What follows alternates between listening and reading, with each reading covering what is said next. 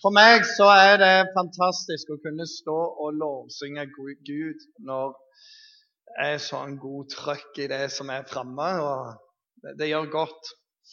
Vi skal i dag være litt annen eh, ende av skalaen i disse syv dødssyndene som vi snakker om. Vi kom til den fjerde, og det er snakk om vrede. Det var Noen som trodde det var glede, men det har vi snakket om før. Nå er det vrede.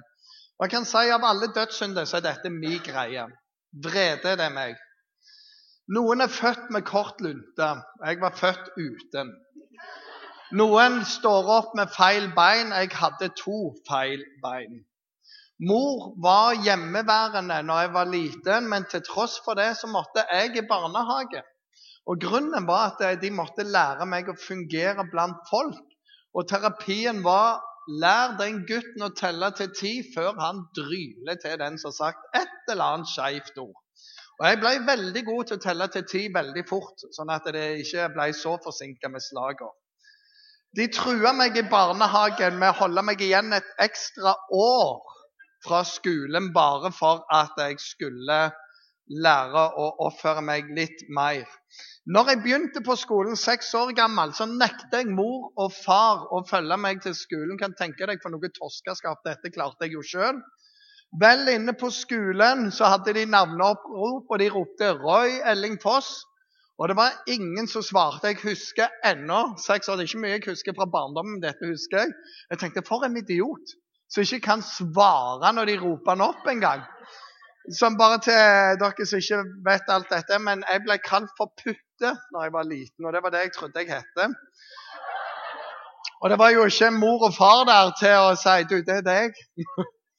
og så når til slutt alle var ropt opp, så sa de er det noen som ikke ropte opp. Jeg var jo ikke ropt opp. Ingen har sagt Putte. Jeg ante jo ikke hva etternavnet mitt var heller. Så sier de til meg ja, men da er du Roy Elling. Og det Da gikk jeg hjem. Da var den dagen slutt. Jeg sa at jeg skulle eh, Jeg sa jeg var ferdig med familien min, jeg skulle flytte ut. Og Seks år gammel så planla jeg alt dette i detalj. Hvordan jeg skulle gå synlig mot Stavanger. Sånn at når folk begynte å savne meg, så ville de lete i Stavanger-distriktet, mens jeg etterpå skulle liste meg ut på jorder og sånne ting sørigjennom, så de ikke fant meg. Det funka helt til jeg kom til Kåsen. Jeg bor på Bryne, der var det ikke mer gatelys. Og da gikk jeg hjem. Ja da, Min bror som er pastor i Lyngdal misjonskirke, Jim Lynwood Foss, han, eh, han, har naturgaven til å terge. Jeg har naturgaven til å eksplodere. Han er ett år og fem dager eldre enn meg. Vi to var et fantastisk team. Så mor og far lot oss aldri være alene fordi de var seriøst redde for å finne den ene inni skapet eh, død. Fortrinnsvis Jim, selv om han var eldst. Og Veldig ofte måtte de dra han ut derifra. Da var alle lekebiler og alt inni. Jim har et merke her etter tre sting. De kom etter jeg sendte gaffelen i hodet på han. Og bare for å dra litt på her videre Alle innerdører i Lyngbakken 4, hvor jeg er vokst opp, er ødelagte. Det har jeg sørga for. Pappdører er drittdører. De tåler ikke mye slag, og de tåler ikke mye spark. Alle mine dører er heiltre. Eh, vinduet nede det ble òg ødelagt, riktignok av en stein som jeg tilfeldigvis hadde i hånda mi. Kunne jo ikke jeg for at den gikk veldig bra gjennom der. Og jeg har da med alle vinduer og dører ekstra gummi rundt foringene, så hvis barna har arva noe som helst av meg, så går det litt bedre. Du, dette er meg. Jeg var eksplosiv. Jeg vet noe om dette her. Tematikken det er vrede eller sinne. Og Det kan være at du eh, når du hører dette, tenker veldig eh, negativt, destruktivt, noe vi skal motvirke. Og barn lærer gjerne seg å prøve å undertrykke dette. Tell til ti, tell til ti, ikke si noe, ikke gjør noe sånn. Og så har du lært at det er feil. Men i dag så skal vi se på at det er ikke nødvendigvis sånn. Det er faktisk Det kan være en gudgitt greie òg å ha vrede hvis han er sunn. Men vi skal se på begge eh, sider. Vi skal gå til to historier i Bibelen. Den ene er når vreden blir en dødssynd, og den andre er når det faktisk blir hellig vrede. Altså noe som Gud gir deg. Den første historien, en grusom historie. Første Mosebok, kapittel 34. Der møter vi Jakob og alle hans koner og sønner og døtre. Han har ei datter med, med Lea. Hun heter Dina. Og de har flytta inn i, i en by. Og høvdingens sønn er ute og går samme dag som Dina er ute og går. Han ser henne, og han voldtar henne i byen. Det er en grusom hendelse. Krenkende, står det. Og så skjer noe helt underlig, for etter han har voldtatt henne, så blir han forelska i henne. Og så spør han om ikke han kan få gifte seg med henne. Brødrene til Dina de reagerer sånn som jeg nok ville ha reagert. Jeg skal sannelig ta de der, og de skal ikke slippe unna. Men, men han, eh, karen Sikhem, som han heter, han har da spurt kan jeg få lov. Og Så begynner disse karene, brødrene, å tenke ut. Ja, han skal få lov. Så sier de vi er jo jøder, og det er ikke dere. Og det er kun én måte at du kan få lov å gifte deg med hun på. Det er at alle mannfolk i hele byen lar seg omskjære. Og Han blir så glad for det svaret. Så de går til byen og sier folkens, det eneste vi trenger å gjøre, det er å omskjære oss. Og så er vi ferdig med det. Og da vil de være våre venner, vi vil være deres, vi kan gifte oss med deres og de med oss. Vi gjør det. Og så får de med hele byen på å omskjære seg. Så står det den tredje dagen, mens de fortsatt lå og hadde det vondt og ikke kunne bevege seg, så tar brødrene til Dina, Simon og Levi, et sverd i hånda hver og går gjennom hele byen og slakter ned alt mannfolk. Absolutt hver eneste, inkludert Sikhem og høvdingen Hamor. Alle dør. Og de andre brødrene og halvbrødrene de kommer etterpå, og de bare plundrer all eiendom. Og det er noe med at en vrede finner ikke ende når han blir destruktiv. Det er derfor Bibelen tidlig sier øye for øye, tann for tann, og ikke mer enn det. I Bibelen er det en begrensning, men vår vrede, når den bare blomstrer opp, så fins det ikke noe grense. Når du skal ta hjem, så skal det sannelig svi, og det er med rente. Og faktisk, dette er så eh, grusomt, det de gjør tilbake. Det er ingen formildende omstendigheter for hva Sikhem har gjort, men det følger faren resten av livet. Og i tradisjonen, når fedrene dør, så kaller de, og hvis de får lov å være gamle og dø fredelig, så kaller de til seg ungene og så legger de hånden på dem, og så velsigner de dem. Så sier 'Velsigne være du, Ruben, den førstefødte'. Og så kommer det en velsignelse fra faren. Så tar han Dan og Naftali og alle disse og velsigner dem og velsigner dem. Så kommer han til Simon og Levi, og så sier han dette. Simon og Levi er brødre. Voldsvåpen er deres sverd. Jeg vil ikke møte i deres råd, jeg vil ikke være i deres forsamling. For i sinne slo de menn i hjel, og egenrådig skar de okse. Forbanna være en så heftig harme, et sinne så veldig som deres. Jeg vil splitte dem i Jakob og spre dem ut over Israel. Det var ingen velsignelse å få ifra far for deg. Mange år siden dette skjedde, aldri glemt. Og det er noe med dette ukontrollerte av og til så skjer det offentlig som her.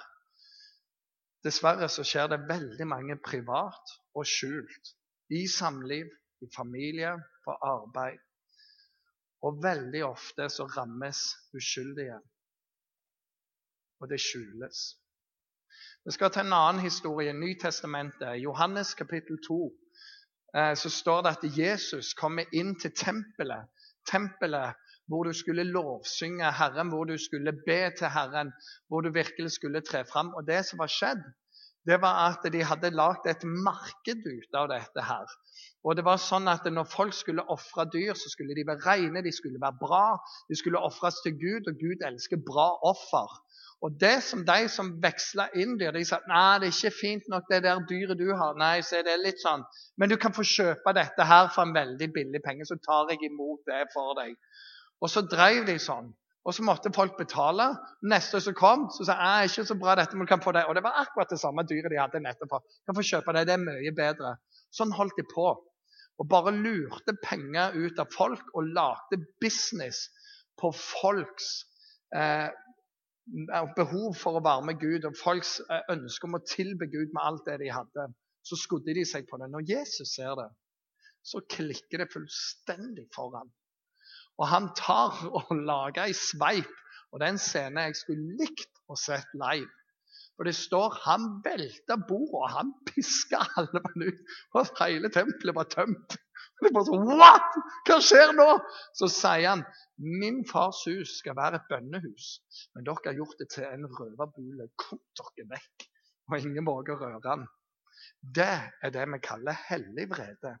Det er når du har noen verdier, du ser folk krenke deg, så du klarer ikke å utholde det, så er det noe gudgitt som eksploderer inni oss, som maner oss til et oppgjør, til å stå opp mot urettferdighet. Og du får krefter av det. Det er, forska på dette her. Det utløser så mye energi at du får krefter og mot som du aldri har hatt før. Og Det er noe gudgitt. Det er noe vanvittig bra. Bill Hybels, en utrolig bra pastor, han kaller dette hellig misnøye. Hva du ikke klarer å utstå lenger. Du må bare gjøre noe med det. Hans eksempel er hvis du har sett Skipperen, tegneserien Skipperen, han der som eh, spiste spinat. Boink! Han hadde jo en kjære som Olivia. Og hver gang hun ble kidnappa eller en annen prøvde å flørte med henne, da bare klikka det fullstendig. og Han skulle redde henne, det var hennes. Så det var hans heldige misnøye. Vi har sett dette på mange måter. Jeg har lyst til å ta fram et par. Det er ei dame som heter Eleanor, og så kan jeg ikke uttale etternavnet. Josaides. Wow. Så sier Herren nei, det var et etternavn.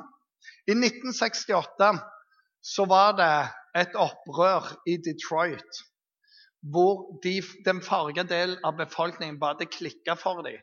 For de hadde opplevd en sånn urettferdighet når det kom til hvilken lønn de fikk, om de fikk arbeid eller ikke, om de fikk rettigheter. Og denne misnøyen bare kokte over. Og det var opprør i gatene. Dette var over hele verden. De så hva som skjedde i Detroit. Eleanor ser dette på TV, og så skjer det noe inni henne. Jeg dette må jeg gjøre noe med. Så hun går ned til pastoren og sier Kom igjen, vi skal gjøre noe med det. Så går hun opp til guvernøren, så går hun til fabrikkeier, alt sammen. Og sier hva er det dere ser etter av folk som skal arbeide? For det er noe så galt, og vi er nødt til å gjøre noe. Så sier, nei, Vi ser etter folk som smiler, som er velkledd, som lukter godt, som står på, som er villige til å jobbe overtid, og som er rett og slett er gode å omgås. Greit, hvilke ferdigheter er det? Nei, De må være gode til maskinskriving, du vet den gammeldagse typen.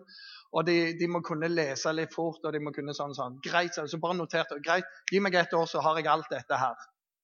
Og så tok hun mange av den farge befolkningen inn, gjerne ikke hadde utdanning. Og hun drev de knallhardt og sa jeg har ett mål, og det er rettferdig. Samme hvilken hudfarge du har, samme hvilken familie du kommer fra, så skal det være likt for alle. Men vi må gjøre noe. Vi må være bedre enn de andre. Og veldig fort så ble det sånn at alle de som kom gjennom det som Eleanor drev på med, og som eh, pastoren og andre ble med på, de fikk de beste jobbene. For det var de beste folka. De hadde den beste holdningen, de beste ferdighetene, og de var bare utrolig bra. Det gikk så bra at Ku Klux Klan begynte å skrive brev til henne og sa hvis du ikke kutter det med en gang, så dreper vi deg. Og Hun var jo så fyrt opp av disse brevene at hun hang de opp på veggen sa 'Trofé! Wow! Now we're getting somewhere. Skjønner du? En hellig misnøye. Jeg bare må gjøre noe med det. Og Bill Heiber sitter og intervjuer henne. Og, og, hun er rimelig myndig sånn. 'Sånn er det, sånn er det.' Og Bill sitter der. ok. Og så på et tidspunkt, når hun er så misfornøyd med alt det, den urettferdigheten, så sier jeg jeg hoppet inn i bilen, jeg, jeg drog opp eh, døra og så sier jeg, 'Gud, kom deg inn!' Og så sier jeg And, and the Lord said, Yes, ma'am. det å ha hellig misnøye Touchpoint er en del av min hellige misnøye. Fordi gjennom det som jeg har gjort Jeg har drevet med student, unge voksne arbeid i et, bare tenke nå, i sånn ca. 20 år. har jeg drevet på med det.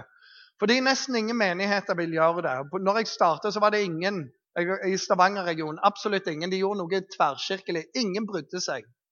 Og så ser vi at frafallet er over 90% Vi vet at i alderen 18 25 så er de største forandringene i livet. Og du drar deg med videre og, og, eh, i livet, på godt og vondt. Og det gjelder utdanning, tro, livsledsager, verdier, hva du gjør med talentene dine, hvem som skal være rundt deg og få lov å diktere. Og dette kan følge deg livet ut. Og Det har vært for meg noe sånn, det må jeg bare gjøre noe med, samme hva de andre sier, samme hva de andre lar være å gjøre. Og Mange sier vi gidder ikke, for de bare forsvinner igjen. Og mitt svar er alltid hva gjør du med det Gud betror deg for ett år, og for to år og for tre år? Du er nødt til å gjøre det beste ut av det. Og vi investerer ikke for oss, vi investerer ikke for vår menighet, vi investerer for Guds rike og for mennesket. Og det som jeg har funnet for min del, de aller, aller beste mennesker jeg finner, det er folk som er i deres alder. Her er det ekstremt potensial. De som forandrer verden, er stort sett i deres alder. De som våger noe, er dere. Når noen reiser seg opp og bare tåler ikke mer, så er det ofte unge mennesker. For de har ikke så mye å tape, har mye å vinne. Og det er en guts der som mange voksne ikke har i det hele tatt. Så jeg er litt ødelagt, og dette er noe av min hellige misnøye. Så bare bær over med meg. Men jeg kommer nok ikke til å være ferdig med student og unge voksne på noen år ennå. Dere får bære meg ut. Så den vrede det er en kraft som vanskelig holdes i tømme. På godt og på vondt. Og Hvis vi skal definere dødssynden, så kan vi definere en sånn. En holdning av sinne og avsky som avspeiles i en sterk og intens fiendtlighet, hemlyst og et indre raseri. Forferdelig. Vet ikke om du har hørt uttrykket 'Han der, han er en levende trykkoker'. Skal ikke vi Eller hun der, sint som en veps. Lett antennelig. Folk visste om meg. Hvis de kilte meg lenge nok, for jeg, er enormt kilen, så lo jeg så mye. Jeg har astma i tillegg, så fikk jeg ikke puste. Og da klikka det jo for meg. Så, så, de kilte meg bare for å se om det klikka for meg. Og det gjorde det jo. For jeg var redd for å dø. Og En gang så var det noen som hadde, hadde denne leken. Og det kom ei dame ut til slutt som hadde sett og Hun stanste meg ifra å drepe han som gjorde det der. Og det var siste gangen han prøvde på det trikset. Jeg tenkte og tenkte den fyren. Helt til hun bare sa nå får det holde. Hun grein. Og han så ikke bra ut. Og han fortjente det. Men det var ikke riktig av meg. Så her er greia. Kan en kristen være sint? Og kan en kristen uttrykke sinne? Bør man ikke alltid være fredelig, milde og aldri vise noe hissighet? Det kan mange tro det. Men jeg har allerede eh, sagt at Jesus var ikke sånn. Og takk og lov for det. Vår evne til å kjenne vrede og til å gi uttrykk for den, er noe Gud har utrusta oss med. det. Det er noe av det vi trenger å skjønne. Det er noe som er gudgitt. Det er en kraft til å forsvare oss sjøl, og til å forsvare våre nærmeste og andre når det er nødvendig. Det bare popper opp i deg, og du er nødt. Og du, du, får mot til å kjempe mot det som er urettferdig og urett. Og det er naturlig å bli sint når du eller noen rundt deg blir såra eller krenka. Det er helt naturlig, og det er gudgitt. Samtidig så må vi øve oss på å være overbærende og tålmodige med andre mennesker. De øver seg på deg, og du trenger å øve deg på dem. Og det er, ikke slett, det er ikke alltid sånn at det du tenker, dine følelser og dine antakelser, det er ikke alltid at det stemmer med virkeligheten. Ja, De gjorde det for det og sånn. sånn. De tenkte ikke på det. De mente så Det gjorde de ikke. De gjorde det i god tro. Det er bare noen strenger hos deg som ikke stemmer helt. Det står dette Dere er Guds utvalgte, hellige og elsket av Han. Kle dere derfor i inderlig medfølelse, godhet og ydmykhet. Ta dere ikke sjøl til rette, men strekk dere langt, så dere bærer over med hverandre og tilgir hverandre hvis den ene har noe bebreider den andre. Som Herren har tilgitt dere, skal dere tilgi hverandre. Og over alt dette, kle dere i kjærlighet, som er det bånd som binder sammen og fullender. I Kolosserne 3. Så noen ting. Vi vegrer oss for Guds fred. For Gud har òg en brede. Du så det med Jesus. Men Gud har òg en brede. Vi har snakket om det i andre taler. Hadde f.eks. en tale her om i landet midt imellom hvordan Guds vrede bare blusser opp fordi det var så mye synd. Og det vegrer vi oss. Vi liker å preke om Guds kjærlighet og Guds tilgivelse og Guds nåde. Men Guds frede mm. For det er truende. Og det er ekstra truende hvis du sitter her og har opplevd hva dødssynden vrede kan være. Og du har fått smake det i din oppvekst eller på en eller annen måte. Jeg vet bitte litt om det landskapet sjøl. Det kan true oss som sier Gud kan være vred, så bare får du de bildene opp. Det er ikke det vi snakker om. Fordi det er klart skille mellom Guds vrede og vår vrede. Guds vrede er alltid, alltid, alltid hellig og rettferdig. Aldri lunefull sånn som vår. Og det er alltid et uttrykk for hans kjærlighet til oss. Vi trenger òg å forstå den positive sida her. Fordi hvis du ser på motsatt Hvis Gud ikke var vred, hva var Gud da? Da var Gud likegyldig. Han var likegyldig til alt som var galt. Ah, litt dumt. Litt dumt de gjør alt det. Å, drepte de så mange Ja, ja, ja, hva skal vi si det? Det blir en likegyldig Gud. For det motsatte av kjærlighet er ikke hat, men det er likegyldighet. Å være lunken. Og vrede er en del av det å elske. Og en, en Gud som ikke blir vred, vil være likegyldig overfor vold og lidelse i denne verden. Men vår Gud står at han er en hengiven elsker.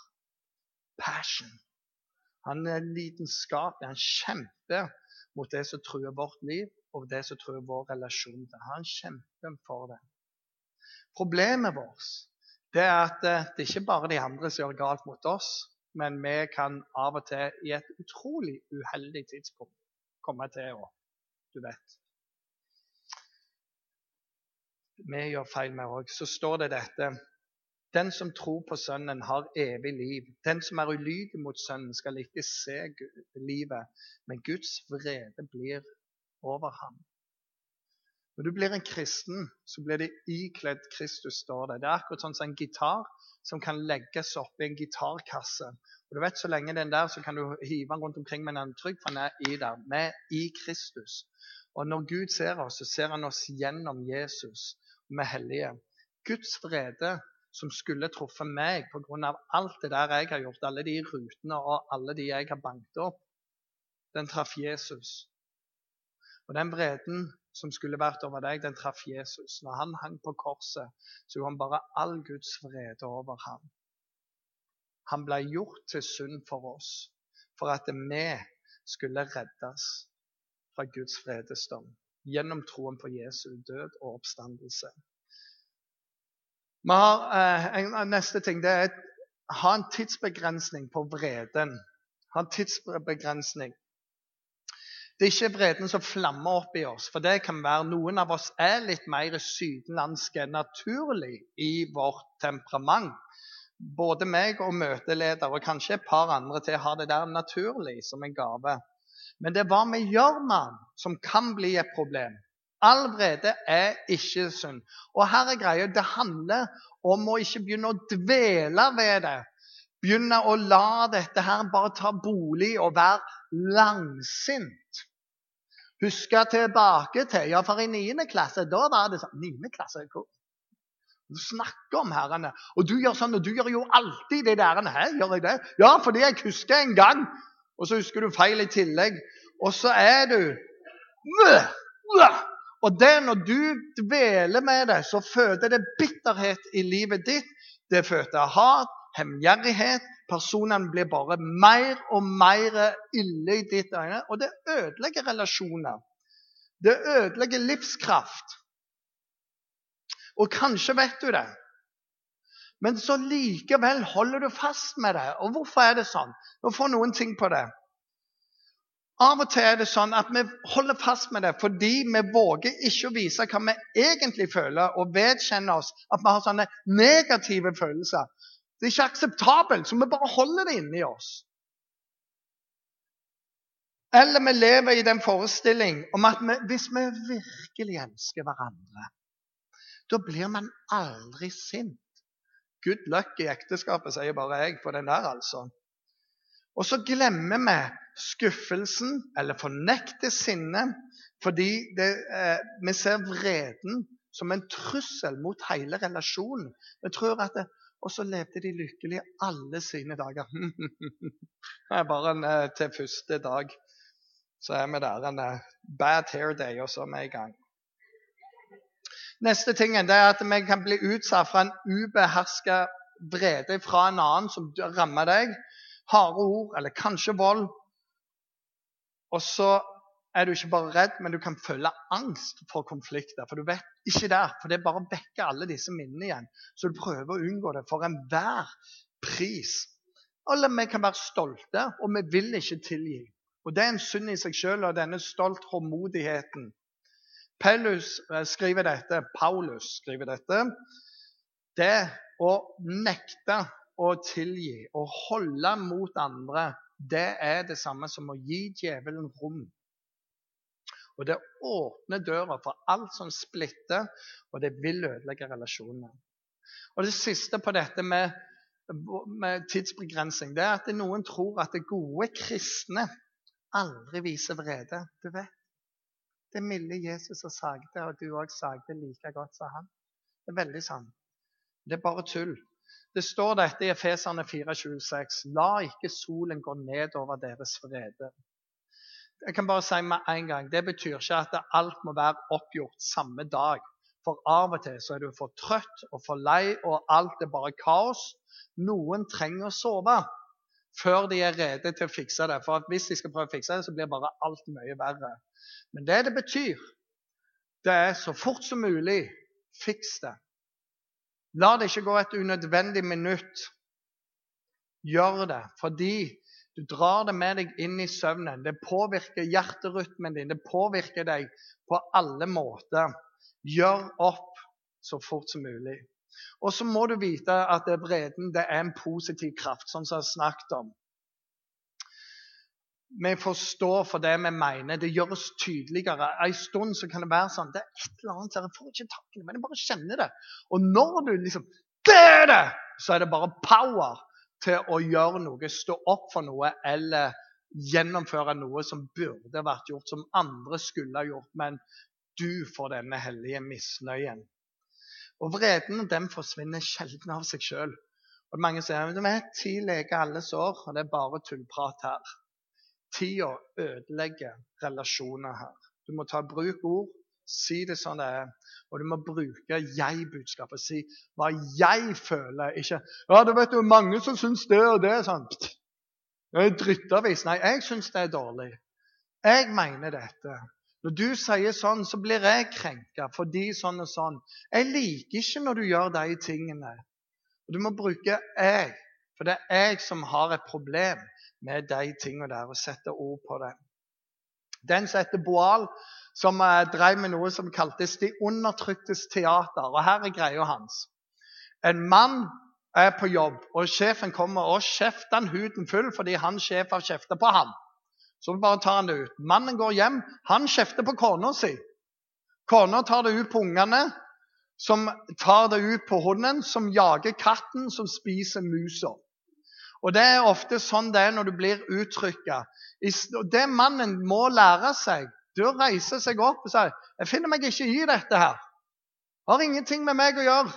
At du fikk kjeft for at du ikke leverte, det har ingenting med meg eller de andre her å gjøre. Vi kan snakke ned, vi kan finne løsninger.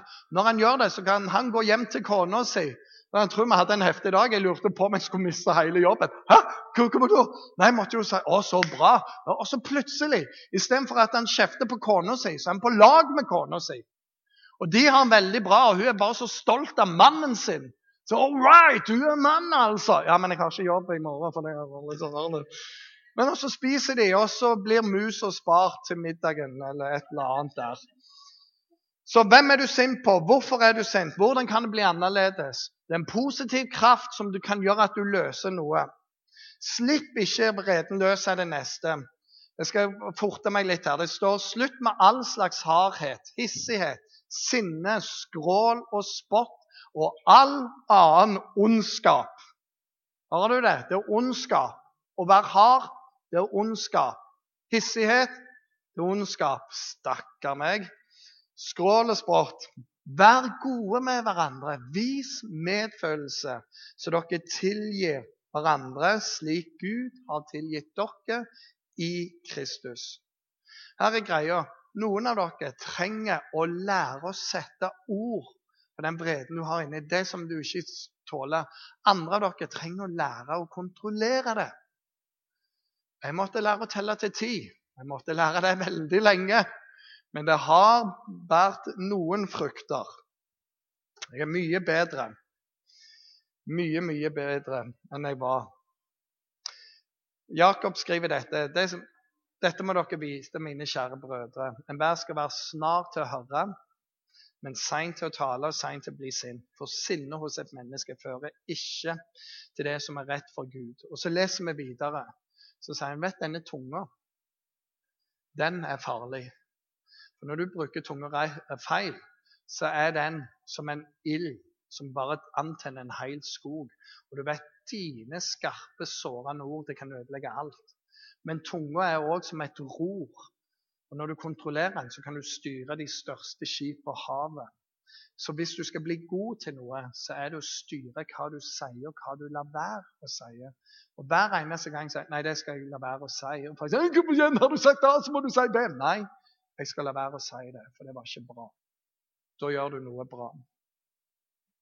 Neste vær ivrig etter å bli forsonet. Her kommer en lang bibeltekst. Dere har hørt det sagt til forfedrene du skal ikke slå i hjel. Den som slår i hjel, skal være skyldig til domstolen. Men jeg sier dere, den som blir sint på sin bror, skal være skyldig for domstolen. Der røyk du. Og den som sier til sin bror 'din idiot' Ingen her har sagt 'din idiot', skal være skyldig for det høye rådet. Og den som sier 'din ugudelige narr', heldigvis er ikke det noe vi pleier å si, vi bare har andre varianter, skal være skyldig til helvete selv. Yes, da var ikke det helvete, da var det bare til det høye råd. Om du bærer offergaven din fram til alteret, og der kommer til å tenke på at en bror har noe imot deg, så la gaven ligge foran alteret, og gå først og forlik deg med din bror. Bare la det ligge. Gå og forlik deg. Si unnskyld, la oss gjøre opp. Så kan du komme og bære fram offergaven din. Skynd deg med å komme overens med motparten din mens du ennå er sammen med ham på veien. Ellers vil motparten din overgi deg til dommeren og dommeren til vakten, og du blir kasta i fengsel. Sannelig, jeg sier deg, du slipper ikke ut derfra før du er betalt til siste øre. Vi er ofte seine eller uvillige til å bli forsonet med de som har gjort noe mot oss. Vi kan finne på all slags unnskyldninger. Og vi lar heller vreden vokse uhemma inni oss. Men Jesus sier dette. Skynd deg. Skynd deg å komme overens med din motpart. Jeg vet ikke hvilke unnskyldninger du bruker for å la være. Og Dr. Phil, noen av dere har sett han på TV.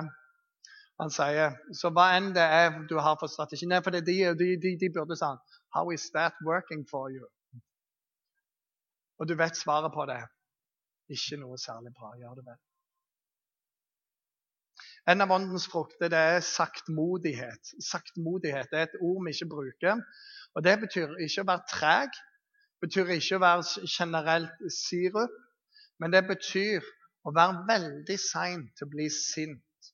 Veldig sein til å bli vred. Det er det det er. Ikke være treg i sin alminnelighet. Jeg måtte lære å telle til ti, og så kom det. Og Dette er et av Guds kjennetegn. Gud er saktmodig med oss. Sein til å bli sint. Barmhjertig og nådig Herren, langmodig og rik på miskunn. Og På grunnteksten så betyr dette ordet eller det ordet heter praise. Praise. Det betyr mild, vennlig, ydmyk, saktmodig. Og nettopp pray, bønn, hjelper oss til dette her. Jeg har en kamerat, eller jeg hadde han hjemme hos Herre nå. Han, han, hver gang uh, han ble irritert på noen, så søkte han å bli bedre kjent med den personen. Han sa det er sikkert noe jeg ikke kjenner til her. Og så prøvde han istedenfor å smelle igjen, invitere på kaffe. Jeg ble jo invitert på kaffe, selvsagt. Fordi det kunne være mer enn det han visste om. Og Bare for å dra et eksempel. Det var en mann som hadde tre unger. og Tidlig en søndagsmorgen så sender han alle tre ungene ut sånn, sånn type syv om morgenen. Og ungene hyler og skriker og ler og vekker hele nabolaget klokka sju på en søndagsmorgen. Hvorpå ca. hele nabolaget klikker på denne mannen og disse ungene, for de ødelegger jo alt. Til slutt så er det en som bare får denne her såkalte hellige misnøyen, går ut og forteller at han må jo skjerpe seg og få disse ungene inn igjen og, og slippe dem ut på skjebnelig tid sånn etter klokka tolv en gang. Og så sier han Jeg beklager så mye. Jeg tenkte meg ikke særlig om når jeg gjorde dette her. Men du skjønner det at mor deres, kona mi, døde for tre måneder siden av kreft. Og i dag er den første dagen de har levd siden det. Så jeg tenkte meg ikke om jeg bare slapp. Jeg skal ta det inn med en gang. Beklager. Det er ikke alltid du vet alt. Så finn ut litt mer. Så hva gjør du? For Jeg tror jeg har toucha noen på den ene og den andre sida her. Det du ikke gjør, det er at du sier 'jeg er bare sånn'. Mm -mm. Alle mennesker kan la seg forvandle. Alle kan endres. Abed Nelius, en av ørkenfredrene, han sa dette. Bønn er mildheten og saktmodighetens spire. Bønnen. Så hva gjør du? Nummer én be om at Gud skal gi deg et hjerte som er preget av saktmodighet og mildhet. Åndens frukter, kjærlighet, glede, fred, overbærenhet, vennlighet, godhet, trofasthet, tålsomhet og selvbeherskelse. Når du vandrer med Gud, og Gud får vinne karakter i deg, så er det disse tingene som begynner å eh, komme fram i deg. Og folk vil merke oi, du er ikke så hissig, du er ikke så nærtagende lenger. Hva har skjedd? Nei, det er Gud som har skjedd. Be til Gud, og han skal gi til deg. Be om dette. Det neste be om mot til å stå for dine følelser på en ærlig måte og vise hvem du er. Og Øv deg da på disse jeg-budskapene. Jeg mener det. For meg blir dette feil. Jeg blir såra når du sier det. Og Ikke sikkert du mener sånn, men jeg trenger å vite hvordan det påvirker meg. Det står dette i første Korinterbrev, Om kjærligheten. Dette er kjærlighetens kapittel i hele Bibelen. Kjærligheten krenker ikke, søker ikke sitt eget, er ikke oppfarende, gjemmer ikke på det onde. Den gleder seg ikke over urett, men har sin glede i sannheten. Kjærligheten sier fra. Nummer tre be om mot til å våge å si fra om urettferdighet, vold og undertrykkelse. Be Gud gi meg mot til det. Gi meg mot til å stå opp. Vær oppmerksom på det og be om klarsyn og se denne styggskapen hvor enn han er. Og be om kraft til å gjøre noe konkret. Sann historie. En barnehagebestyrer får inn på kontoret eh, noen som jobber der.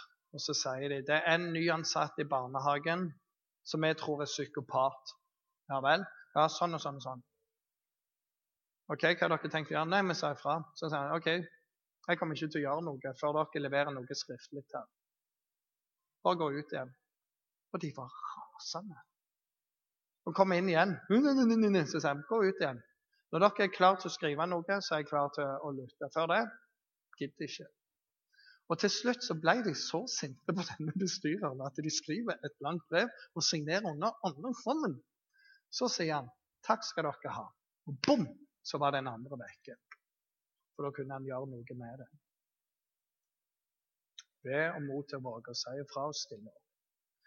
Når du er sint og opprørt, så ikke stikk deg unna. Og dette gjelder mange nå.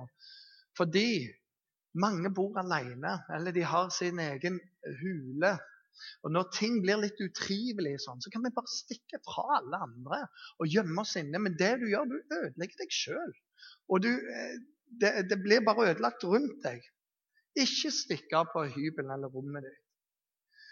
Den som sa det sånn Like farlig som det er å ta vreden med seg inn i søvnen eller grave seg ned i ensomhet. For et menneske eh, som er sint, er ensomheten en gift. Du går inn der, og så bare blir du forgifta av det. I ensomheten så vokser våre laster uten at noen kommer inn og korrigerer oss og hjelper oss. Vi blir ikke utfordra. Vi kan utvikle vårt sjølbedrag der. Våre svakheter kommer fram i lyset når vi våger å være der med andre. Ikke stikk. Ikke stikk. Og, og Jeg har bare lyst til å si til dette her i, Vær i et fellesskap. I Touchpoint så har vi Connect, som er smågrupper. Og nå har vi Connect Small og Connect Big. Det vil si vi har grupper som er beregnet på 5-12 stykk, og vi har grupper som vi gjerne vil skal være 20-30. Fordi vi tror begge deler er veldig bra. Noen av dere er påmeldt og ikke kommet inn. Alle skal komme inn. Andre kom, kom deg inn i ei gruppe. Og lær å meddele deg livet. Det fins legedom i det å si ting akkurat sånn som det er. Og oppleve at folk bryr seg, ber for deg og er villige å gå med deg. Neste ting be om en villighet til å tilgi. Skal du bli kvitt denne dødssynden, så er tilgivelse veien for det. Du, du vil bære ting gjennom livet, eller det vil ha sitt grep over deg. Eller du kan finne en måte å legge det fram for Gud og si tilgi. La ikke noe kvele livet ditt.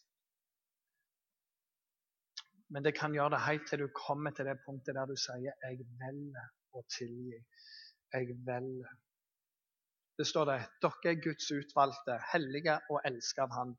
Kle dere derfor i inderlig medfølelse, godhet og ydmykhet. Ta dere ikke sjøl til rette, men strekk dere langt, så dere bærer over med hverandre og tilgir hverandre hvis den ene har noe bebreid til den andre. Som Herren har tilgitt dere, skal dere tilgi hverandre.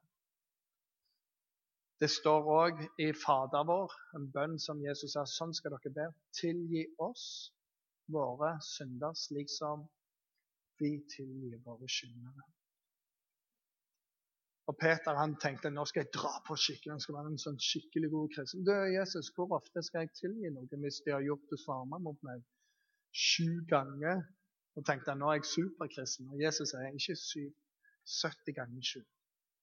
Det er bare noe med Jesus som er helt grensesprengende. Og Jesus er eksempelet sjøl.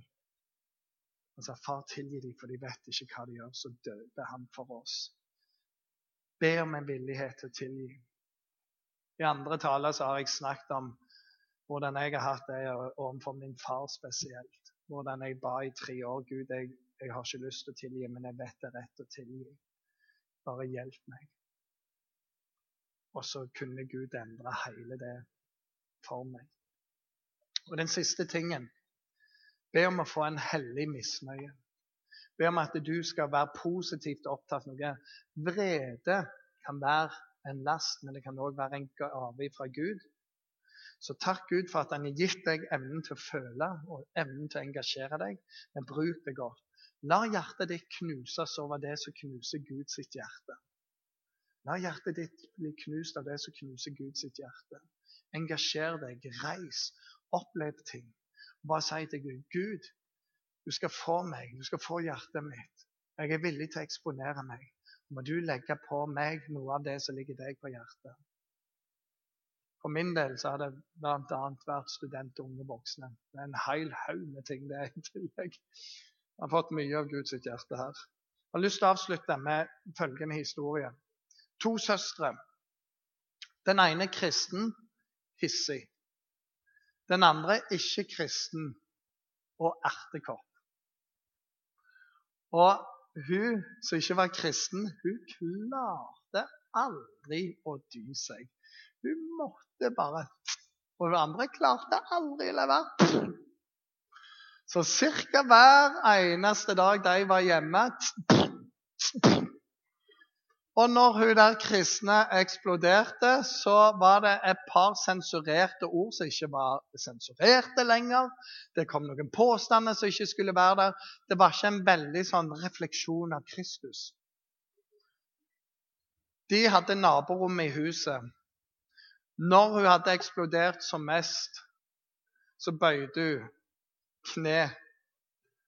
Og så gråt hun innenfor Gud og sa 'tilgi meg, Jesus' alt det dumme jeg har sagt og gjort i dag.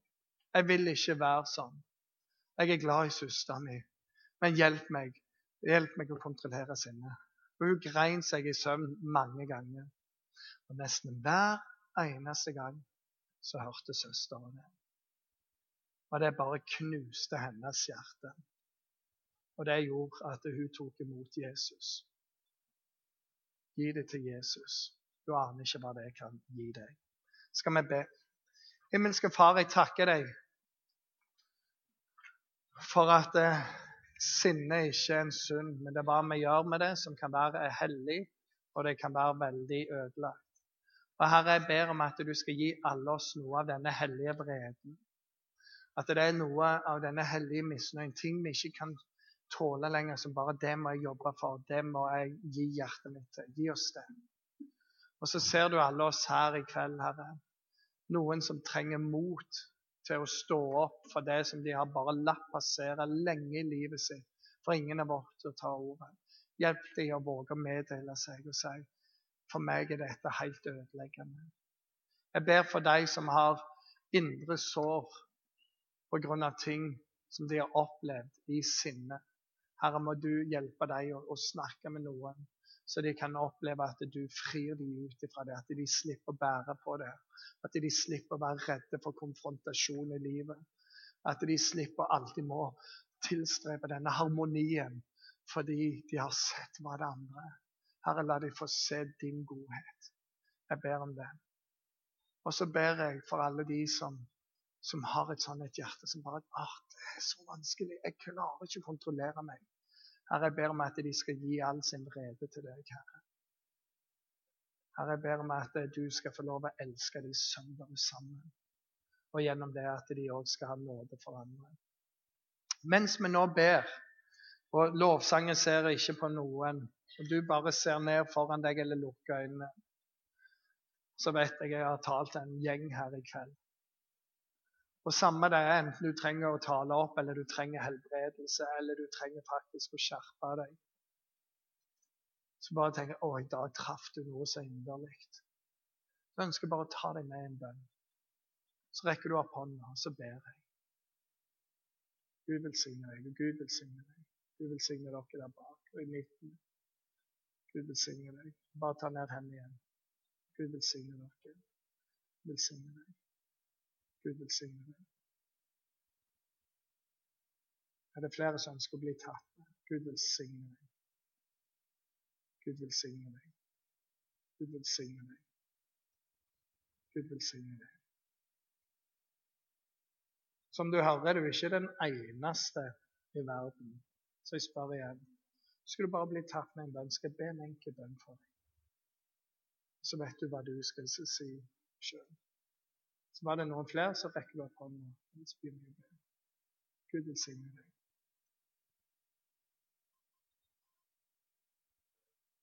Herre, du ser oss, alle med våre historier, alle med vår bakgrunn, alle med vår personlighet og tilbøyeligheter. Herre, helbred. Helbred, Herre, og gi mot og gi kraft. I Jesu navn. Amen. Før jeg går ned, så har jeg bare lyst til å se på meg. Bibelen sier dette. Gud står den stolte imot, men den ydmyke gir han nåde. Og En av grunnene til at jeg bare spør av til det er noen som eh, gjelder, det handler om å ydmyke seg innenfor Gud og si det gjelder meg. Wow, jeg har ikke alt på plass. Ta meg med i en enkel bønn. Vet du hva? Gud ser det. Og du får nåde. Bibelen har sagt du har fått nåde fordi du ydmyker deg innenfor Gud. Så Gud velsigne deg.